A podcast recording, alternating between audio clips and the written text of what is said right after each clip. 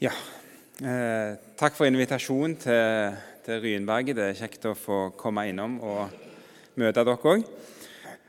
Eh, og det er en flott dag å være sammen på. Kristi åpenbaringsdag. Og nå skal vi jo inn i neste fase av kirkeåret. Vi har feirt jul, og nå skal vi inn i åpenbaringstida. Og det er jo nettopp ei tid i kirkeåret hvor vi reflekterer over julens mysterium. Og Det begynner vi på en veldig fin måte med i dag, når vi skal lese teksten fra Matteus 2 om eh, de vise menn som kommer til Betlehem og møter Jesus der. Så Vi leser sammen fra Matteus 2, vers 1-12. Da Jesus var født i Betlehem i Judea på den tiden Herodes var konge, kom noen vismenn fra Østen til Jerusalem og spurte:" Hvor er jødenes konge som nå er født? Vi har sett stjernen hans gå opp, og vi er kommet for å hylle ham. Da kong Herodes hørte det, ble han svært urolig, og hele Jerusalem med ham. Han kalte sammen alle overprestene og folkets skriftlærde og spurte dem ut om hvor Messias skulle bli født. I Betlehem i Judea, svarte de, for slik står det skrevet hos profeten. Du, Betlehem i Judaland, er slett ikke den ringeste av fyrstene i Juda. For fra deg skal det komme en fyrste som skal være hyrde for mitt folk Israel. Da kalte Herodes vismennene til seg i all stillhet og spurte dem nøye ut om tiden da stjernen hadde vist seg. Så sendte han dem til Betlehem og sa.: Dra av sted og forhør dere nøye om barnet, og når dere har funnet det, så meld fra til meg for at også jeg kan komme og hylle det. Da de hadde hørt kongens ord, dro de av sted. Og se, stjernen som de hadde sett gå opp, gikk foran dem inntil den ble stående over stedet der barnet var. Da de så stjernen, ble de fulgt av jublende glede. De gikk inn i huset og fikk se barnet hos moren Maria, og de falt på kne og hyllet ham. Så åpnet de skrinene sine og bar fram gaver til barnet, gull, røkelse og myrra. Men i en drøm ble de varslet om at de ikke måtte vende tilbake til Herodes, og de tok en annen vei hjem til sitt land. Sånn lyder Herrens ord og evangeliet i dag. Som sagt, det er Kristi åpenbaringsdag, de hellige tre kongers dag, som han òg har blitt kalt. Og Det er en dag som formelt sett eh, hører hjemme 6. januar, 13. dag jul, og Dere kjenner sikkert til at på fredag så var det jo julefeiring i hele den ortodokse kristenhet. Eh, så dette har vært en viktig dag helst i Ålkirka. Og denne dagen her, altså Kristi åpenbaringsdag, den er, har eldre tradisjoner faktisk enn julefeiringen. Så dette er en, en veldig viktig dag i, eh, for den kristne menighet. Vi har jo alt feirt vår jul, og dette er en dag hvor vi får se litt av eh, hans herlighet, og vi får se ikke minst om at Jesus kom for alle. For det som er spesielt, er at i dagens tekst så er det ikke fromme jødiske skriftlærde som dukker opp i huset i Betlehem. Nei, det er altså stjernetydere fra øst. Vi vet ikke hvor de kom fra, men vi vet at stjernetyding var en viktig vitenskap både i det gamle Irak og videre østover. Og Disse mennene de hadde sett et eller annet på stjernehimmelen. Vi vet ikke helt hva de hadde sett. Og Kanskje har det ikke så mye for seg heller å gå inn i alle mulige teorier om hva de hadde sett, men eh, det er bare å google, så vil dere finne i bøtter og spann alle mulige slags eh, teorier om hva slags stjernekonstellasjoner de så. Poenget er at de har sett på stjernehimmelen, og der har et eller annet overbevist de om at noe ekstraordinært har skjedd. Eh, og det som er spennende er at Når vi leser i vår bibel i Det gamle testamentet, så leser vi flere plasser der om en dag som kalles for Herrens dag. Og Det som mange av de beskrivelsene om, av Herrens dag har til felles, det er at de ofte inneholder ord om tegn som skal vise seg på himmelen. Det som er blitt mest kjent pga. at det er sitert i apostelgjerningene, er profetien til Joel i hans kapittel 3, hvor Gud sier jeg setter varsler på himmel og jord, blod, ild og røyksøyler. Solen forvandles til mørke og månen til blod før Herrens dag kommer, den store og skremmende. Herrens dag er liksom i Det gamle testamentet en sånn vendepunktdag. Det er den dagen der Gud griper inn til frelse for sitt folk og med dom over sine fiender. Herrens dag er derfor både en håpets dag og en skrekkens dag, sånn som det framstilles i Det gamle testamentet. Så Herrens dag er liksom knytta til disse overgangene i Guds frelseshistorie. Eh, derfor er det ikke tilfeldig at sola ble formørka da Jesus hang på korset. Det er i samsvar med profetiene om Herrens dag. Og Når Bibelen i åpenbaringsboka taler om Jesu gjenkomst, så er det òg sånne tegn på himmelen som nevnes. Så Herrens dag det er en dag som har liksom, kosmiske dimensjoner over seg. Det skjer ting i himmelrommet. Tegn viser seg. Nå kalles ikke Jesu fødsel for Herrens dag i Bibelen, men det er jo uten diskusjon en viktig del av Herrens dag. Herrens dag er, henger sammen med Jesu fødsel, for det var jo selve grunnlaget. Han måtte komme for at eh, korset skulle skje, og grava skulle skje, og hans gjenkomst skal skje. Derfor er det kanskje ingen stor overraskelse at det viser seg tegn på himmelen når Jesus ble født. Eh, som sagt, vi vet ikke hva de så, men et eller annet så de. Gud gjorde et eller annet som overbeviste dem om at det var på tide til å reise. Til å reise der for å finne han. Og Det som også er litt sånn fascinerende i dette, her, er at Bibelen taler egentlig veldig strengt om stjernetyding og astrologi og den slags. Eh, til et Babel som kun har Herrens dom i vente, så sier profeten Jesaja følgende.: Du er blitt trett av mange slags råd. Nå får de komme og frelse deg, de som deler inn himmelen, gransker stjernene og måned for måned varsler hva som skal hende deg. Det er jo horoskop, ikke sant? Eh, Herren taler om det. Og i Babel så var nettopp religiøsiteten knytta til stjernehimmelen og de som kunne liksom satte sin ære i å tyde tegn på stjernehimmelen. Så sier Gud om de, Se, de blir som halm. Ilden brenner dem opp. De kan ikke berge livet fra flammene. Dette er ikke glør til å varme seg ved, bål til å sitte foran. Så det er en hard dom Bibelen faktisk feller over det å holde på med astrologi og stjernetyding. Og I 5. Mosebok så advares der tilsvarende. Det som Israel ikke skal ha befatta seg med, i lag med all mulig former for avgudsdyrkelse, inkluderer òg astrologi, horoskop, stjernetyding og, og den slags. Men så er det så fascinerende. Gud bruker altså den kalde vitenskapen som det jo var for de, det bruker han til å lede disse vismennene til Jesus. Og Det minner oss om at det, det er sant, det som apostlene sier. Det er kun én vei til Gud, og det er Jesus. Men så kan vi aldri slutte å forundre oss over hvor mange rare måter Gud bruker til å bringe mennesker til Jesus. Her så bruker han altså noe han har forbudt i sitt ord, i sin lov til Israel. Så bruker han det likevel til å bringe disse vismennene til Jesus. Jeg har venner eh, som jobber blant muslimer, og som er utsendinger for Misjonssambandet. Og De kan jo fortelle meg om familier som drømmer om en mann i hvite klær, Isa, Jesus, og som forteller de i drømmen at de må gå til den og den bygningen som har sånn et kors på seg, for der kan dere høre mer om meg. Så kommer de, og så møter de Jesus og blir frelst.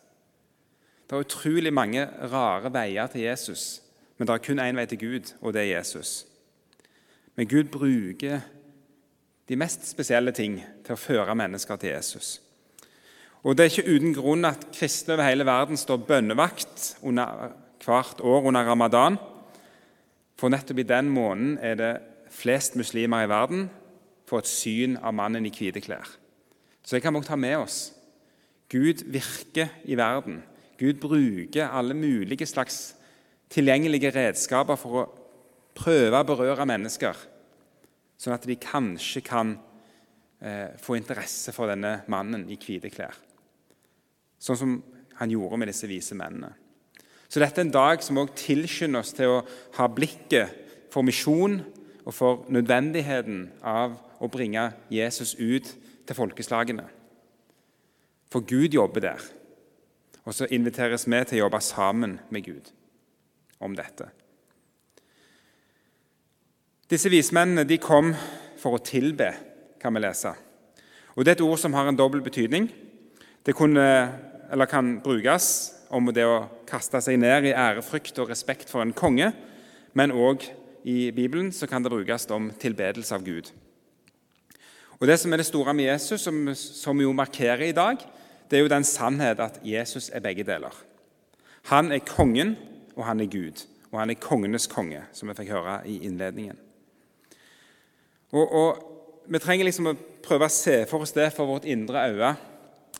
Eh, det ligger altså en liten unge, en baby, der. I ei seng, sikkert. De har sannsynligvis fått flytta inn i et bedre rom.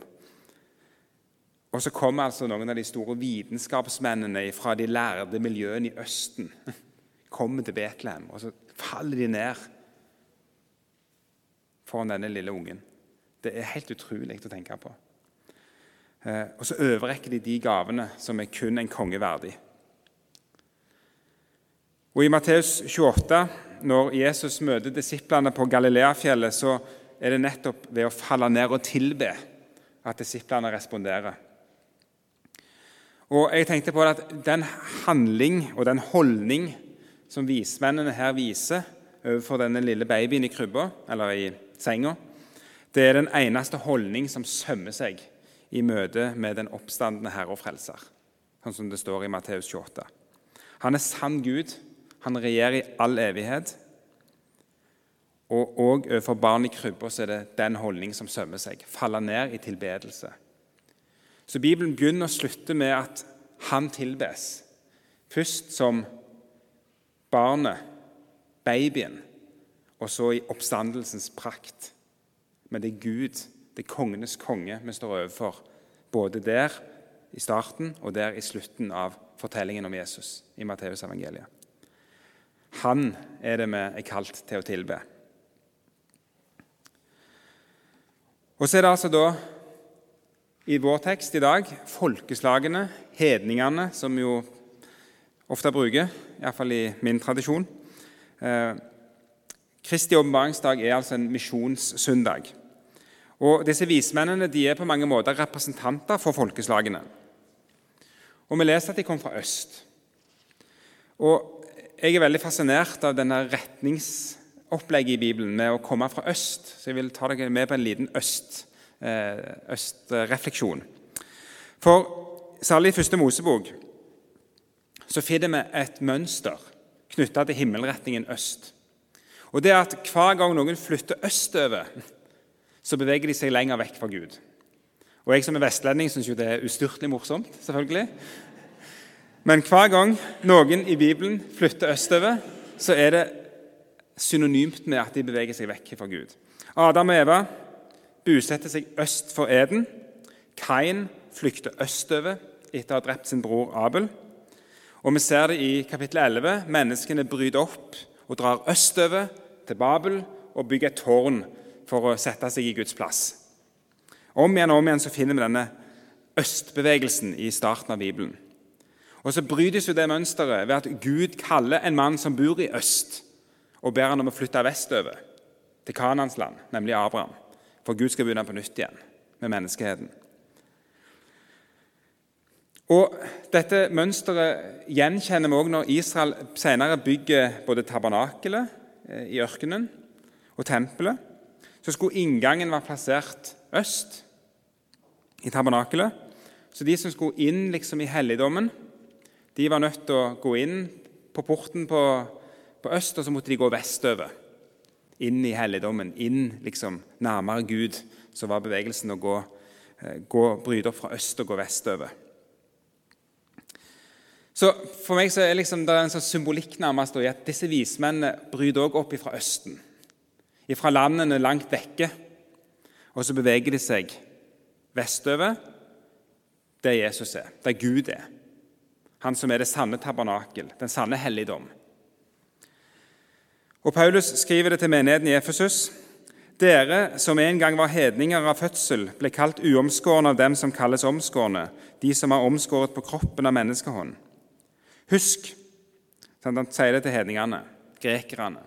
Husk at dere den gang var uten Kristus, utestengt fra borgerretten i Israel, uten del i paktene og løftet, ja, uten håp og uten Gud i verden. Men nå, i Kristus Jesus, har dere, som var langt borte, kommet nær av Kristi blod. For han er vår fred, han som gjorde de to til ett og rev ned muren som skilte fiendskapet ved sin kropp. De som en gang var langt vekke, har fått lov å komme nært i Kristus. Det gjelder oss. Vi, vår, vår, grunnposisjon er i Østen, på en måte da, vekke fra Gud. Og Så får vi lov å komme til Han, komme nært. Og Så var det eh, her representanter for folkeslagene, hedningene, som òg fikk lov å komme til Betlehem og møte Jesus. Og Helt fra gammelt av i kirka har disse vismennene, normalt tre, ikke sant? de har blitt tolka som representanter for de tre kontinentene Europa, Afrika og Asia. Og Noas tre sønner. Og Det er òg sannsynligvis grunnen til at det på sånne bilder og avbildninger i kunsten av disse vismennene så er alltid en av de mørkhuda. Det er for å vise liksom disse tre kontinentene. Det vet vi ingenting om, de verken, altså om, om, de var, om, de var, det. Vi vet heller ikke om de var to eller fem eller tre. Eh, og Det er ikke viktig kanskje heller, men poenget er veldig tydelig. Jesus er for alle. Alle er samla i han. Alle er velkomne til han. Samme hvor de kommer fra, så er det folkeslagene som inviteres til å komme til Jesus. Og så er denne tilbedelsen en oppfyllelse av den profetien som vi fikk lest eh, som en av dagens lesetekster fra Jesaja 60, om eh, mørket som dekker jorda, og skodde som dekker folkeslagene. Men så kommer soloppgangen fra Gud. Og så skal de stråle, og hjertet skal skjelve og svulme, sto der. Så kommer de, og så bringer de med seg skatter fra øst og vest og nord og sør til Han som de vil tilbe. Barnet, Gud, Han som er verdens frelser. Og Vi finner mange plasser i profetene at eh, frelsestida den, den, den, den, forbindes med en sånn en tiltrekningskraft. Folkeslagene skal komme og se, komme til Jerusalem. De skal bringe sine gaver og sin rikdom. Og I en annen av profetiene, i Salme 72, så står det om kongen som skal komme.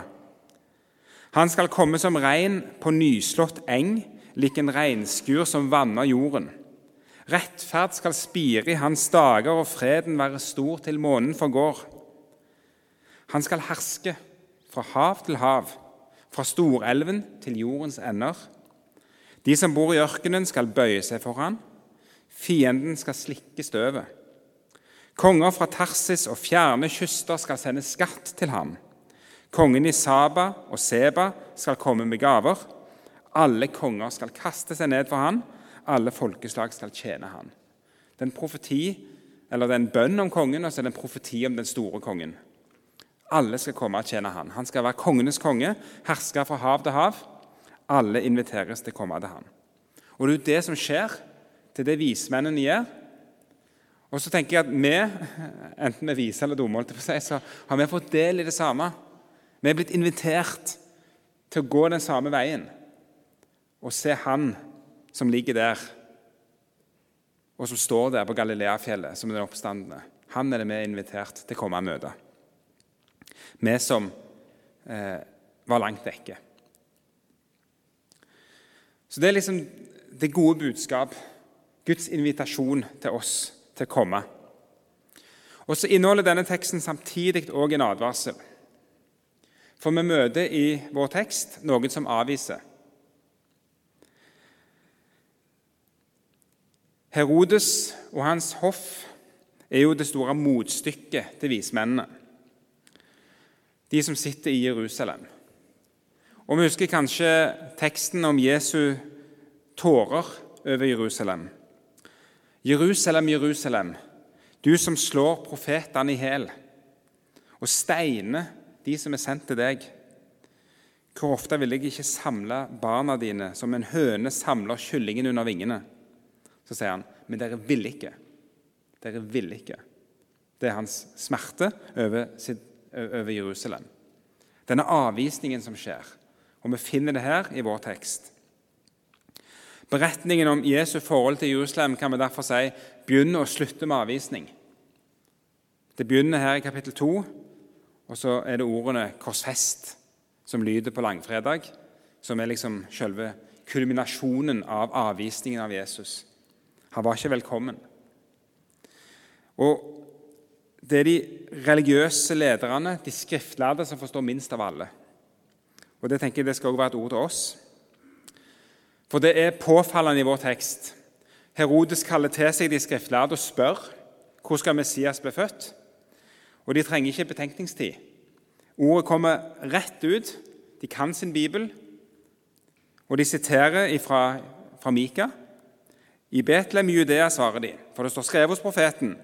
Du Betlehem i Judaland er slett ikke den ringeste av fyrsten i Juda, for fra deg skal komme en fyrste som skal være hyrde for mitt folk i Israel. De har svaret med en gang. De vet hva som står.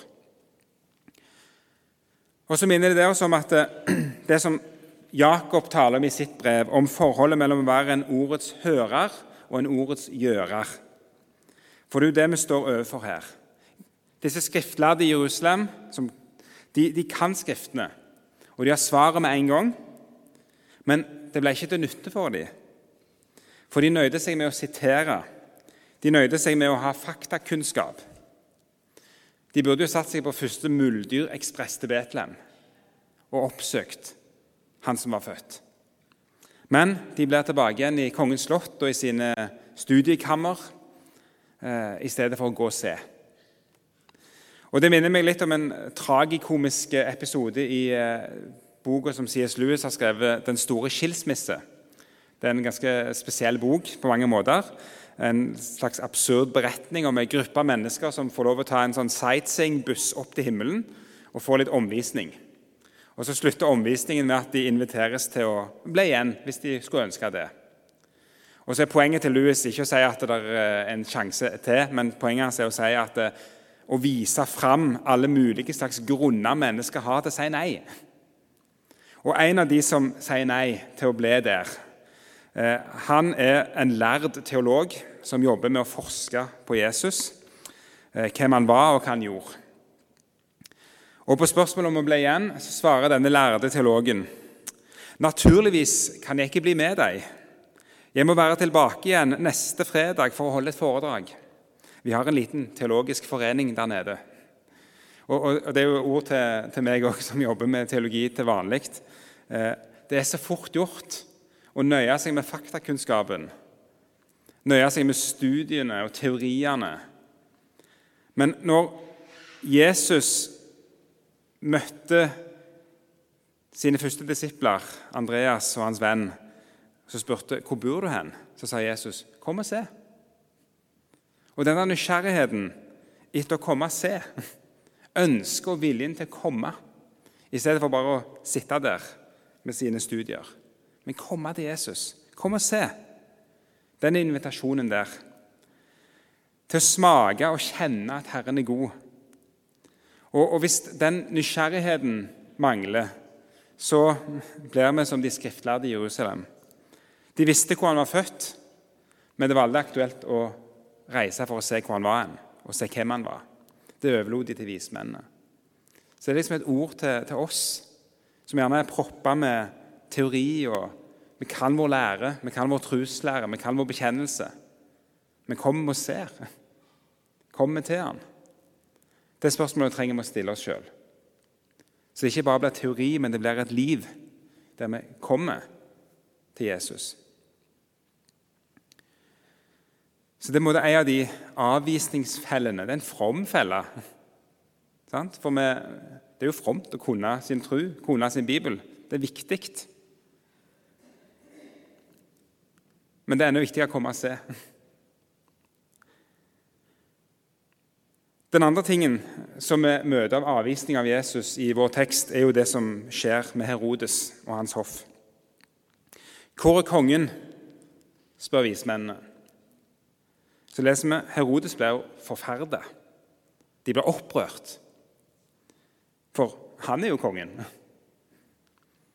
Og Det, det kan også gjerne være med å illustrere en sannhet om oss mennesker. At djupest sett så er vi som Herodes.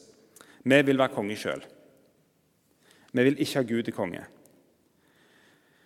Og Selv den Gud som gjør seg like sårbar og ufarlig og kanskje elskverdig som en baby, selv den Gud vekker hat i et sjølsentrert menneskehjerte. Det ser vi hos Herodes. Selv den avviser han. En, en, pastor som har skrevet om dette, sier det sånn Hvis den Herre som ble født julekvelden, virkelig er den sanne Gud, så vil, så vil ingen søke ham dersom ikke våre hjerter på overnaturlig vis blir forvandlet til å ville kjenne og søke ham. Det må skje noe. Gud må gjøre noe med oss. For Hvis ikke så er det hardheten og avvisningen som vil dominere i våre hjerter. For vi vil sjøl være konge. Så Gud må gripe inn. Og Det er en kjent ateist som heter Thomas Nagel. Han har skrevet om dette. her. Han skriver om frykten for religionen, og hvordan han sjøl frykter religion. Og så sier han veldig ærlig Det er ikke bare at jeg ikke tror på Gud og naturligvis håper at min tro er riktig. Jeg håper at det ikke finnes noen Gud. Jeg vil ikke at det skal finnes noen Gud. Det er dønn ærlig sagt. Jeg vil ikke at det skal finnes noen Gud. Denne motstanden mot Gud sitter så djupt i mennesket. Lysten til sjøl å ha kontroll, til sjøl å være konge, den er så sterk at vi vil flykte, vi vil, vil korsfeste den. Vi vil ikke ha med han å gjøre. Så ender vi gjerne opp med å gjøre som Herodes og væpne oss til tennene og kjempe med alle midler for å utrydde han. Vi vil ikke ha han. Så regner gjerne ikke jeg med at det sitter så mange hardkokte ateister her inne. Eh, så den grunnleggende motstanden mot Gud er nok forhåpentligvis overvunnen i våre liv. Men jeg tror denne tilbøyeligheten i hjertet, denne lysten til å være konge, eller den åndelige latskapen til de skriftlærde i Jerusalem, den tror jeg vi kan kjenne på og være i kontakt med. Og så kan vi gjerne kjenne på sorg over at vi mangler vismennenes nysgjerrige inderlighet, som, som, som kommer og ser. Men så tenker jeg at det, det er gjerne den bønnen vi skal få be i dag. Vi skal få høre om en Gud som kommer til oss, og som vil ha med oss å gjøre. Og så skal vi få be til Han om at han må overvinne både motstand og latskap i våre hjerter, sånn at vi eh, kan få ta imot ham og komme til han i krybba.